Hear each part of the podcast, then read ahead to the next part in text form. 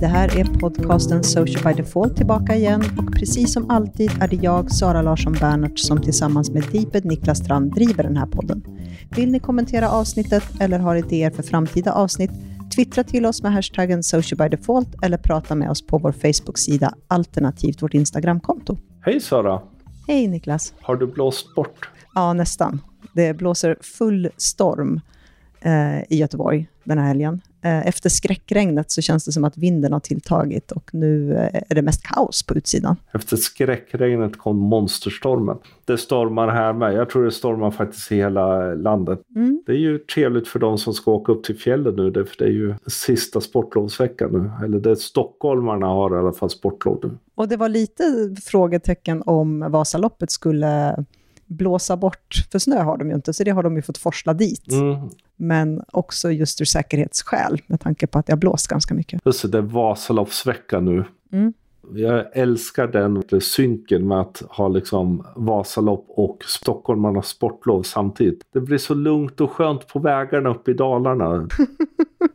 Men det kommer att bli lugnt och skönt för dig på jobbet kanske? Ja, det kommer att bli. Vi har ju då sportlov och jag jobbar ju i Solna och det är inte många som kommer vara där. Så vi som är kvar, vi har bokat in afterski som vi ska gå på. Ja, precis, ni syn synkar det med övriga arbetskamrater som har semester? Ungefär så.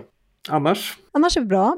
Vi hade ju sportlov vecka sju, så att denna veckan då, vecka åtta, var ju ja, första arbetsveckan. Och det är ju lite sådär att det är ingen som gör ens jobb när man är iväg. Nej, det är dumt. Det är jättedumt. Jag vet inte riktigt vem jag ska klaga hos. Eh, så det har varit en ganska intensiv vecka, måste jag säga. Trots att jag vanligtvis är ganska duktig på att städa undan lite när jag är på semester och ta de mest akuta sakerna, så tenderar ju veckan efter man har varit ledig vara extremt mötesintensiv och eh, så får man liksom gräva sig igenom sin mailbox. Ja. Så det är ganska skönt att det är helg. Det har ju ganska intensivt, för även om man kan tycka att nu har du väl varit på det där jobbet ett tag, så är det ju hela tiden nya saker jag ska lära mig och nya människor man ska försöka få tag på. Och det är outsinlig mängd av nya saker som jag inte visste om ingick i mitt jobb. och det är lite det här, ska det inte snart kännas som jag kan det här. Men det är väl det som utmaning och det fascinerande och det som gör att man, det faktiskt är lite roligt att göra någonting nytt. Att det liksom tar tid innan man känner att man gör samma saker. Men där är ju du och jag lite lika också i det här att vi vill ju hela tiden upptäcka, lära, utmanas. Jag tror att när någonting hamnar i förvaltning, då finns det nog andra som kan vara bättre på förvaltningsbiten än vad du och jag är. Vi vill ju hela tiden lära oss mer och växla upp och utveckla saker som vi är med. Det är därför vi har jobbat så länge som vi har gjort med det här. Jag tänkte på det här nu i veckan, att en av de stora utmaningarna för mig blir ju ändå den här också att jobba med samma varumärke, att jobba egentligen med samma personer, jobba på samma ställe. Liksom. Det, är ju, mm. det är ju otroligt ovant för mig, för det har ju inte jag gjort på tio år. Liksom. Nej. Eftersom eh, du och jag var ute och åkte mycket, jag åkte en hel del innan du och jag började jobba. Jag var ändå ute och åkte de sista åren efter att du hade tagit jobb på SKF. Och nu liksom, nej, det är till Solna jag ska. Jag åker ju för sig varje dag, men jag åker ju liksom så här, man börjar bli så här, man kan hela sin morgon utan till. Man går till samma jävla perrong, man sätter sig, till och med sätter mig på ungefär samma plats på tåget varje gång. Fast vet du vad jag tror? Jag tror att vi som individer har ett behov av rutiner och förenkling. För då behöver vi inte ta så mycket val och då orkar vi ta de valen där de krävs. Så jag tror att det finns en naturlig del av oss som vill göra saker på samma sätt för att kunna orka ha energi till det vi behöver lägga energi på. Så är det ju självklart, men det stör mig ganska mycket. och liksom blir lite sådär liksom... Men det skulle bli jättedumt om du gick till en annan perrong på morgonen, för då skulle du ju missa tåget. Nej, men så i, igår fredag så åkte jag in till stan, jag skulle ha ett möte på byrån. Det var lite skönt, så då får jag göra någonting annat än morgonen och liksom bryta av den där liksom lunken som det verkligen blir. Men eh, det är spännande att göra den här resan. Du har ju gjort den för några år sedan och mm. nu gör jag den. Det här att förändra sättet man jobbar i grunden. Jag tror att det är nyttigt. Mm. Sen kanske man går tillbaka till det gamla, men då har man ju testat på alltihop skulle jag säga. Förra gången så släppte vi ett avsnitt som vi pratade väldigt lite på. Det var med från internetdagarna. Vi eh, spelade ju in alla de föreläsare som vi hade med under vårt spår och första avsnittet utifrån internetdagarna var ju förra avsnittet, där vi träffade panelen, Twitter, Facebook, slash Instagram och Google tillsammans med Mårten Schultz. Eh, vi har en del andra kvar som vi kommer mm. pytsa ut här under våren tänkte vi, lite då och då. Så ni vet att det, det kommer fler, men de kommer lite utdragna över våren här. Ja, precis. Lite för att vi ska hålla på det och lite för att det ligger ju fortfarande i linje med det vi brukar prata om. Men om vi skulle släppa alla avsnitt direkt så kommer vi sakna att prata i podden. Och jag hoppas att ni också saknar att vi pratar i podden. Så kan vi väl säga. Ja, precis. Eller så Alva. Vad skönt det var. Vi gillar ju att prata i podd. Mm. Och de som gillar att prata i podd kommer också träffas i mars. I Göteborg. Vi har nämnt det förut. Podcoast kommer. Det är en uh, idé egentligen som är ursprungen från gamla Webcoast, fast med fokus just på poddande. Biljetter finns till försäljning. Det är den 30 13 och 14 mars i Göteborg, en helt enkelt en unconference för poddälskare, oavsett om man producerar, har en podd eller tycker om att lyssna på poddar egentligen. På Chalmers, på Veras trädgård heter platsen. Veras gräsmatta. Jättetrevligt ställe. Det är en ganska liten konferens. Vill man gå så ska man in och köpa biljett. Jag tycker också många är så här, starta en podcast eller har lust att starta en podcast eller så kom dit och prata med folk. Ställ de där frågorna man faktiskt funderar. Det kommer ju vara folk som pratar om det mesta helt enkelt. Allt från marknadsföring, hur man poddar och hur man redigerar och sådana saker. Nej, men det blir spännande. Det blir jättekul. Jag ser verkligen fram emot den här konferensen du och jag har ju en liten del i själva konferensen. Mm. Jag har skapat några videos mm. som du har köpt ut i annonsering. Precis. Och köpt får vi ju mycket frågor och många som vill, kan ni podda om att köpa på sociala medier? Och vi har väl dragit oss lite för det. Därför vi, dels för att vi vill intervjua Peter Rosdahl någon gång, men han vill ju aldrig vara med i vår podd. Han är ju en sån här Greta Garbo i sociala medier, väldigt mm. undvikande. Under radarn, fantastiskt duktig, men inte i rampljuset. Så där har vi liksom hela tiden försökt. Det är också ett väldigt komplext ämne många gånger mm. idag. Det är det. Sådär. Så vi tror nog helt enkelt att vi kommer prata om det idag. Därför det är intressant och det är väldigt aktuellt. Och vi lär nog prata om det fler gånger. Jag tycker också att det har varit ganska svårt att veta hur man ska avgränsa det här avsnittet och vad det egentligen är som är viktigt att plocka upp. Så antagligen kommer vi återkomma till det här längre fram också. Mm. Så ni får liksom vara med oss i våra tankesnurror nu när vi ska prata om köpt. Vi kommer framför allt koncentrera oss kanske på varför och hur och mer kanske de strategiska delarna än de rent operativa delarna. Och här återigen som vi brukar säga i början och slutet, ställ frågor, kom med kommentarer, prata med oss vad ni tycker om det här, för det här finns väldigt mycket åsikter om det. Du mm. brukar ju ha lite åsikter om det här med köpt. När jag tog det jobb som jag har så började du, du oroa dig över att jag skulle förstöra sociala medier eftersom du vet hur intensivt intensivt intresserad jag blir av saker. jo, men lite så är det. Det, blev lite frostigt i telefon. jag, jag vet ju att vi behöver köpa. Jag vet att det är en otroligt viktig del i hela den sociala medienärvaro man har som företag. Men jag är också rädd att vi ska köpa sönder de här kanalerna som vi ändå har fått till oss. För det har vi lyckats göra med e-mail marketing, vi har lyckats göra det med direktmeddelanden, vi har lyckats göra det till viss del, nu är det inte så många som tittar på tv-tv längre, men det var ju ett tag när man kände att nej men sluta med tv-reklamen, jag går och gör något annat så länge. Och jag är så rädd att det ska bli samma sak. Nu tror jag ändå att företag har blivit bättre på att förstå hur viktigt det är att skapa rätt typ utav köpt material. Men backar vi bandet ett antal år så var det ju det vanligaste svaret när man frågade folk varför de inte var på Facebook var ju att det var så mycket annonser. Mm. Det är väl snarare kanske där någonstans min egen personliga splittring ligger. Det är liksom, jag som head of social har ju en åsikt och en förståelse, men jag som Sara Bernhardt har ju en annan rädsla. Mm. Så kan man väl säga. Mm. Och vi diskuterade det ganska mycket inför det här, liksom, att hur ska man då se på köpt och hur ska man se vilka som gör det och så och landar någonstans i att det är inte så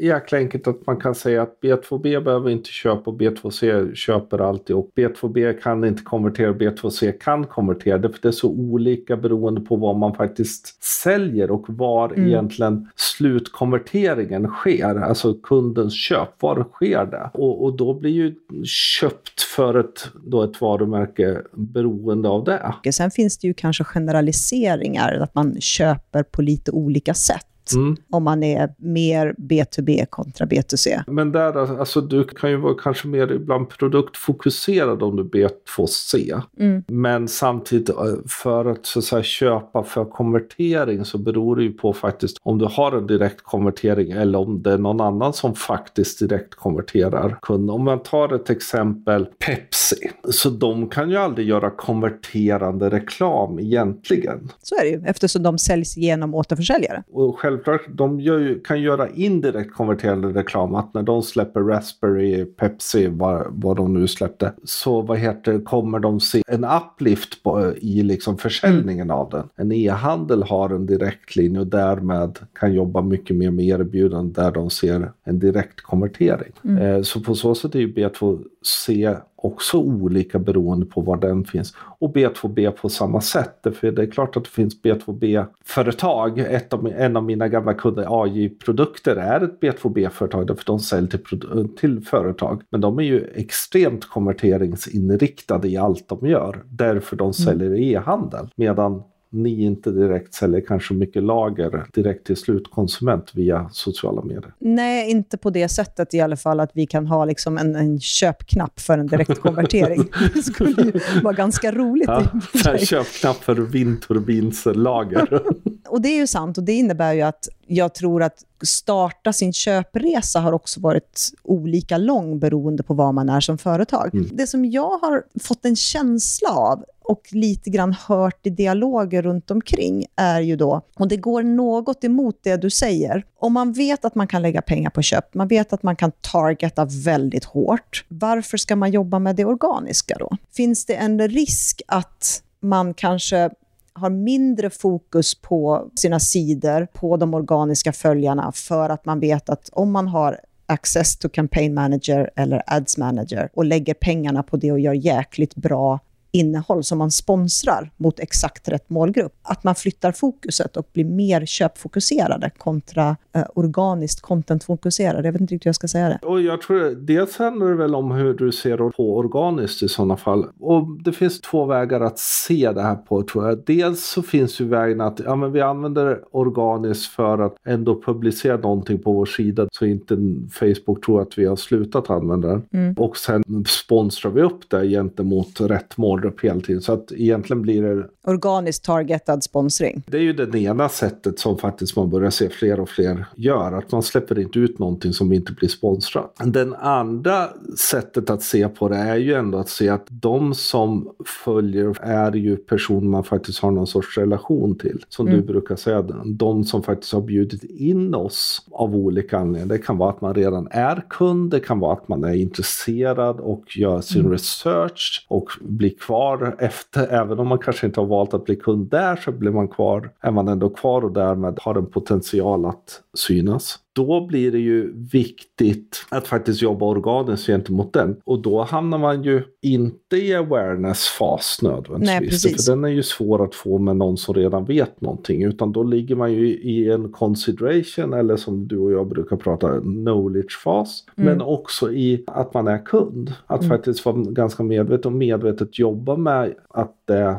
ens kunder eller branschkollegor konkurrenter och sådana saker. Så på så sätt så tycker jag det är det är att slänga ut barnet med badvattnet att bara säga att organiskt är noll, nu köper vi bara. Därför då tappar man flera delar av sin kundresa och framförallt tappar man ju den delen som är efter konverteringen. Ja, man tappar också en del av relationen till de som har bevisligen sagt att de tycker om ens varumärke. Ja, eller åtminstone vill sätt. ha någon sorts relation med så att man mm. följer. Och det, det är ju lite också kanske hur man ska titta på det sätt man arbetar på en marknadsavdelning. Och nu kanske man, jag framförallt kanske tänker på en större marknadsavdelning eftersom det är den erfarenheten jag har. För jag menar, tittar man på och delar upp marknadsavdelningen via communication och marketing så har vi ju olika roller egentligen. Mm. Vi har ju olika uppgifter. Och det handlar ju inte om att den ena sidan ska köpa och den andra inte ska köpa, men vi köper ju lite på olika sätt. Communications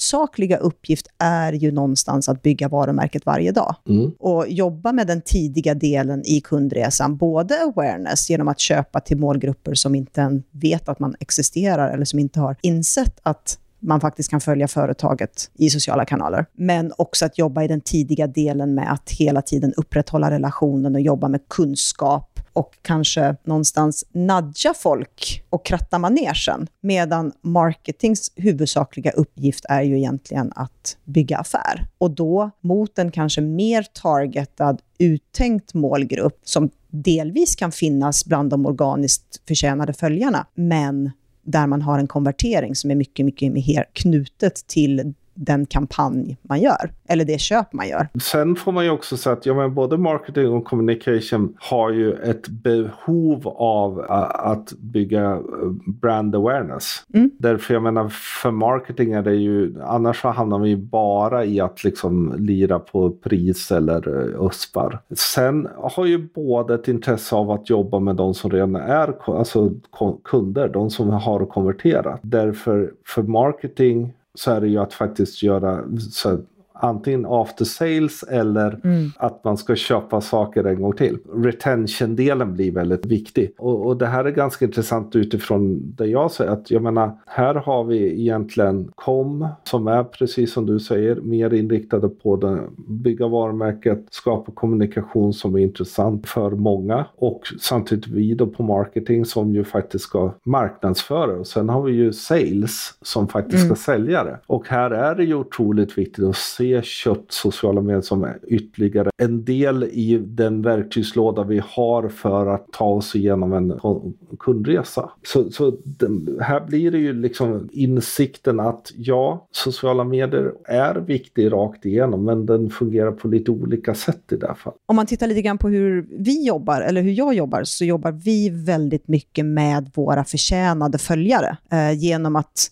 jobba organiskt men sen sponsra upp många av de posterna för att Eh, vi vet att den organiska räckvidden är så otroligt svår att nå idag. Mm. Då behöver vi se till att vi har ett liksom vardagsköp där vi nudgar innehållet så att vi vet att, så att vi får en större räckvidd. Sen gör vi ju också en del kampanjer som är mer awareness för att bygga growth, för att få fler organiska följare. Mm. Det som vi då kan göra på kommunikation är att jobba med ganska stora övergripande teman som funkar för en förtjänad mål målgrupp eller förtjänad följarskara, så ska jag säga. För den tenderar ju också att, ganska, att vara ganska fragmenterad. Medan att då marketing har en mycket mer specifik målgrupp och behöver jobba med köpt på ett helt annat sätt i sina kampanjer, oavsett om det är en konverteringskampanj eller en awareness-kampanj, för att där är målgrupperna så specifika att de inte kan jobba med det organiskt överhuvudtaget, utan Nej. de måste helt enkelt jobba med det köpta. I många delar är det väl också helt enkelt när det väl är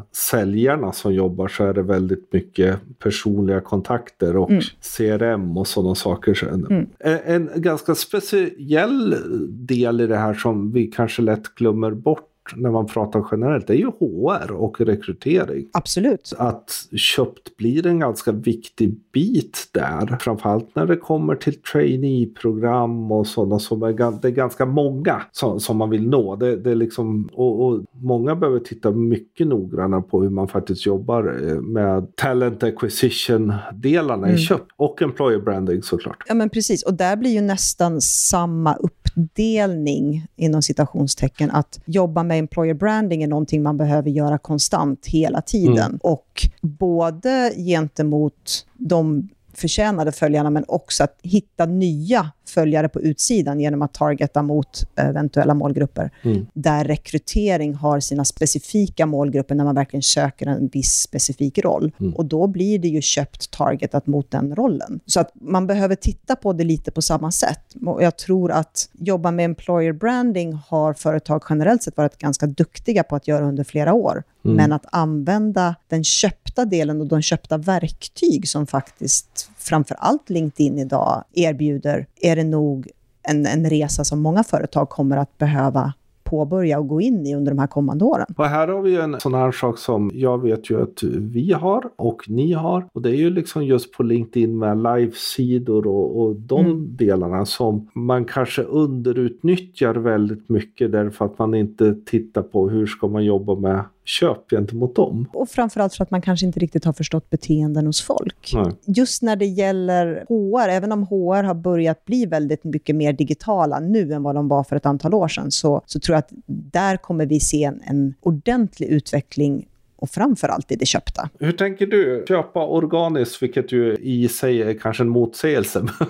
men, men att spon eh, om vi skulle säga så här, sponsring gentemot mot ads. Hur tänker du där? Organiska poster som sponsras upp är bredare och mer generella i, i sitt innehåll. Mycket mer varumärkesbyggande, mycket mer awareness kanske på en, jag ska inte säga ytlig för det är fel att säga, men en enklare kunskap som fler kan ta åt sig. Jag menar, i vårt fall, vi kan prata digitalisering, vi kan prata innovationer, vi kan prata sustainability, vi kan prata varumärke generellt och liknande. Då tenderar vi att arbeta med poster som har eh, lagts upp i flödet och mm. sen sponsra upp dem. Medan ju närmare en konvertering du har, om du har ett specifikt white paper eller du vill ladda ner någonting eller du vill att folk ska signa upp sig, då är det nästan uteslutande dark ads mot den specifika målgrupp som är uttänkt mm. till just de assetarna. Mm. Hur tänker ni? Jag tycker ju då att se sponsring helt enkelt av organiskt innehåll behöver man titta på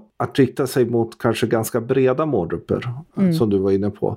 Men borde ha ett potentiellt intresse av att läsa dels det som står men också kanske följa. Så någon sorts i bakhuvudet en growth-tanke. Och det är kommunikation medan att köpa ads det är ju gentemot en specifik målgrupp. Jag tycker ju fortfarande att man ska jobba mot många gånger mer smala målgrupper och hellre göra flera ads så att man liksom kan, kan göra i ordning dem för så att de blir relevanta. Och där det faktiskt finns en ganska klar konverteringsdel. Att det finns en CTA i dem. Att det, och man, man driver trafik någonstans. Man driver till åtminstone någon, no, att göra något. Och, och rätta mig om jag har fel, men det är också där jag tycker styrkan i framförallt den roll som du har, performance marketing, blir. Att man är så pass skicklig på dels verktygen, men också hur man ska skapa målgrupper, att det här generella spillet blir mindre. Mm. Att man är nästan som en aktiemäklare, att man hela tiden ligger och bevakar och förändrar och justerar, som gör att man har en mycket säkrare träffyta och då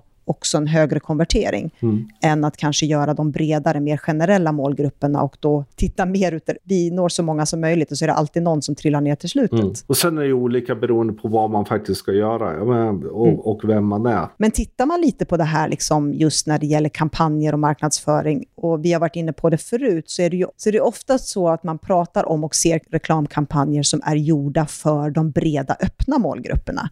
Det är ju väldigt sällan man ser business to business för företagens kampanjer eftersom väldigt många av dem går under radarn. Och, och då är det ju rätt gjort kanske många gånger att, att vi inte behöver se det där som ingen ingen annan än de som vet vad det handlar om faktiskt borde se. Men det är samtidigt lite tjurigt, för vi kan ju göra fantastiska saker som konverterar som fan i de KPI som vi har satt. Men det är ingen som ser det, mer än just de målgrupperna. Det, det jag tycker är viktigt, och det du och jag har pratat väldigt mycket och som vi pratar mer och mer också i kursen på Bergs, är ju någonstans att köpt måste vara en del av strategin. Och även när man sätter mål måste man ta in köpt så att det påverkar de mål man faktiskt sätter i strategin. Och sen också att ha eh, köpt med i planering, ha det med i hur man faktiskt planerar in generellt innehåll men också att hela tiden se till att ha det med i när man planerar kampanjer. För det är väl fortfarande så att det där blir lite så här, ja just det, ja men vi kör lite sociala medier också, lite sådär. Och det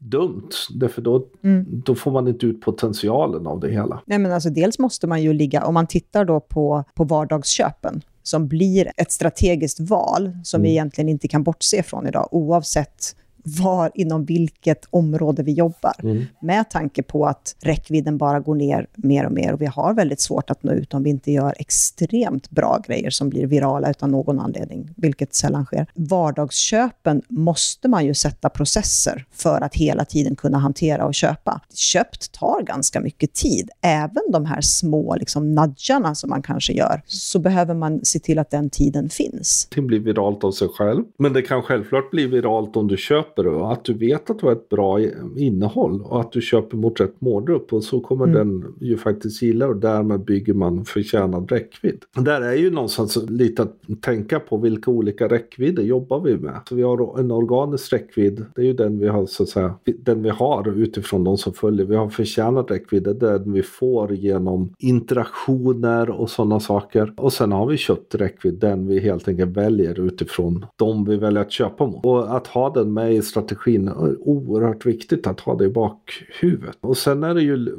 hela det här, vad ska man köpa på? Många blir ju lite så att de köper på länkklick och där blir den viktiga delen. Men den tror jag kan vara lite, då, generellt i ett vardagsköpsläge, mm. är det så att det är så otroligt viktigt att vi ska driva trafik till just den artikeln? Eller är det det viktiga att någon faktiskt ser den här postningen där eventuellt en länk finns med? Ja, jag skulle säga säga att har ni länkar så köp på dem, men köp inte bara på länkar, utan det är minst lika viktigt att köpa på post som går att konsumera i kanalen, oavsett om det är en video eller om det är en textuppdatering med bild.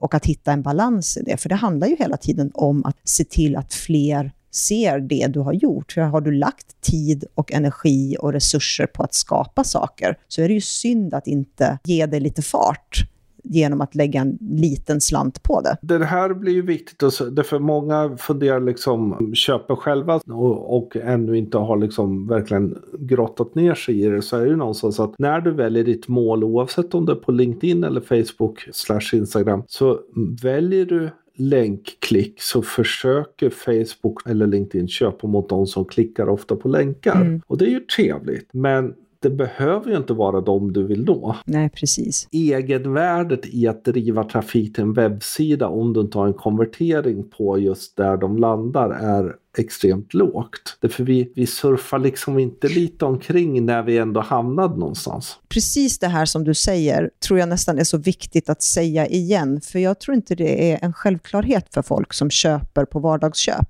Att beroende på vilken call to action du har, så kommer kanalerna visa den delen av din målgrupp som har störst benägenhet att agera på den call to action, kommer de visa de annonserna. Och därför är det jätteviktigt att vi inte bara köper på länkar, utan att vi väljer att köpa på videos, om vi har video views, länkar om vi har länkklick och vanliga awareness-poster. Mm. Och att vi hittar ett system och en process för att hela tiden ligga ungefär lika i de köpen. Annars så kommer vi ju missa en del av våra målgrupper. För det där är väldigt lätt att det blir lite sådär att ja, man väljer räckvidd och så mäter man ändå på länkklick och så blir det inte bra ändå. För det här är en av åtminstone några svårigheter som finns när man köper. Alltså den, den första svårigheten ligger lite i so social media versus webb. Mm, hur tänker du då?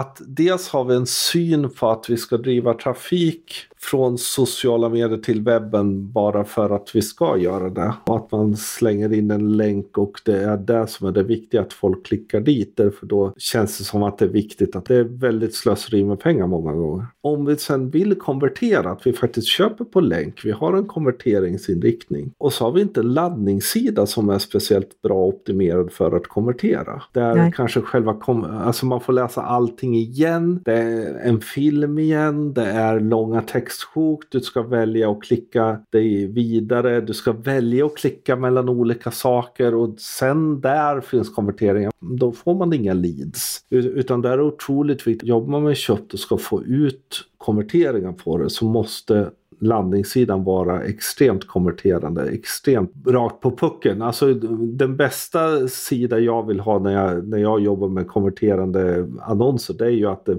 är rakt in i klicka på beställ. Så det du egentligen säger är att om man vill driva trafik från sociala medier till en landningssida så måste landningssidan vara utformad för just det syftet. Och att faktiskt eh, börja titta på sin webb och kanske helt enkelt göra duplicerade sidor men se till att de inte indexeras. Där mm. eh, det finns en landningssida för social, det kanske finns en landningssida för köpt sök och sen en för direkt. För man kommer in från olika håll. Man har olika förkunskaper och man har olika intressen. Man har olika varm skulle man kunna säga. Och det här missas extremt ofta. Jag menar, om, de, om det är några som köper och kanske ändå ser till att ha UTM-taggar så att man kan mäta. Det är ju att det ofta diffar ganska mycket mellan antal klick som Facebook rapporterar och som man kan rapportera på sin egen sida från, från Facebook. Och då trillar de av i någon slags svart hål mittemellan? Det här handlar ju ofta om att man har en för dåligt optimerad sida. Framförallt ser vi det här väldigt mycket när vi går på Instagram och även framförallt Instagram stories. För Instagram mm. har ju en egen webbläsare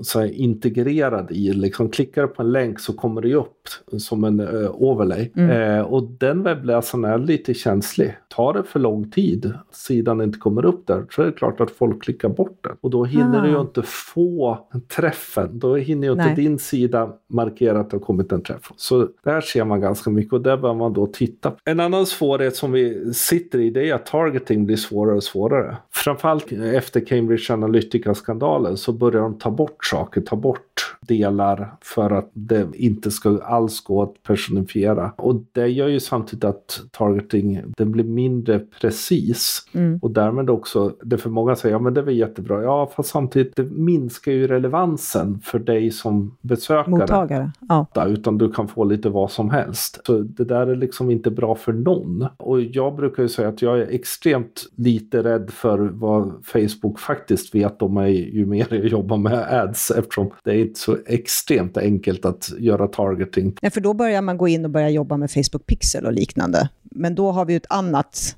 ett annat köpflöde eller ett annat mätflöde. Och sen den sista svårigheten som vi har, framför allt om man, är, om man inte har direkta konverteringar, alltså en väldigt, egentligen ganska kort konverterings resa är ju attributionen av då trafiken. Attribution mm. av trafiken är helt enkelt att man funderar, okej, okay, vad är det som gav konverteringen eller vad var, gav den här liden? Vem är det som mm. man ska säga, det här fixade det? Sociala medier är ju kan ju göra det i vissa fall, men samtidigt är ju också delvis awareness och consideration och det kan vara så att man har läst saker och sen när man väl behöver det så söker man mm. Och jobbar man med det enklaste och det vanligaste, alltså last touch, eh, som är en attributionsmodell, då blir det ju sök som får värdet av den här leaden fast social har gjort massa saker. Så här behöver man titta på vilken attributionsmodell man faktiskt kan använda och mäta på. Och det finns ett antal intressanta men mer eller mindre svåra att mäta på. Jag skulle säga det här måste ju vara jättesvårt, för man vet ju egentligen inte hur många gånger någon har mött någonting innan personen i fråga har gjort valet att nu är jag redo för en konvertering. För det vet vi ju generellt hur kundresor ser ut och hur att det är ju inte så att liksom man plötsligt kommer på att nu ska jag söka efter ett, en ny bank.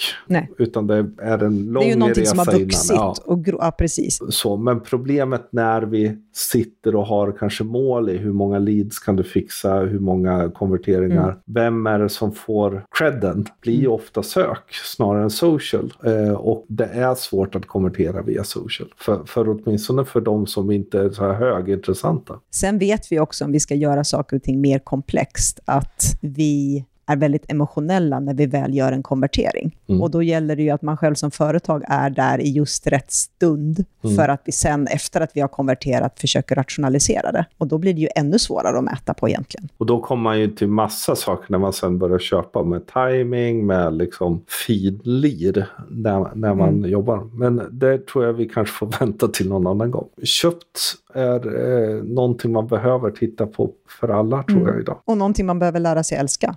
För att det är svårt att kunna jobba med sociala medier idag utan att lägga en stor vikt vid det köpta. Mm. Det var det vi hade idag. Jag hoppas att vi har lyckats berika er något med nya tankar eller kanske helt enkelt vi har bekräftat mycket av det ni redan vet. Vi lägger in lite länkar i våra show notes och de hittar ni på podcast.socialbydefault.se. Glöm inte att prenumerera på oss. Vi finns på Spotify, Apple Podcaster, Soundcloud, Acast, Stitcher och det är bara att söka på Social by Default. Om ni gillar podden, ge den jättegärna betyg i podcaster. Och vill ni göra oss extra glada så skriv gärna en recension. Det är så roligt att läsa dem. Tyck till, ställ frågor, fundera, fortsätt diskussionen. Använd antingen hashtaggen socialbydefault på Twitter. Vill ni prata med oss så finns vi på Twitter, vi finns på Instagram, vi finns på Facebook som Social by Default. Och sen finns vi själva där som personer och jag heter Deeped överallt. Och jag heter Sanasi LB. Ha det så bra. Hej då! Hej då!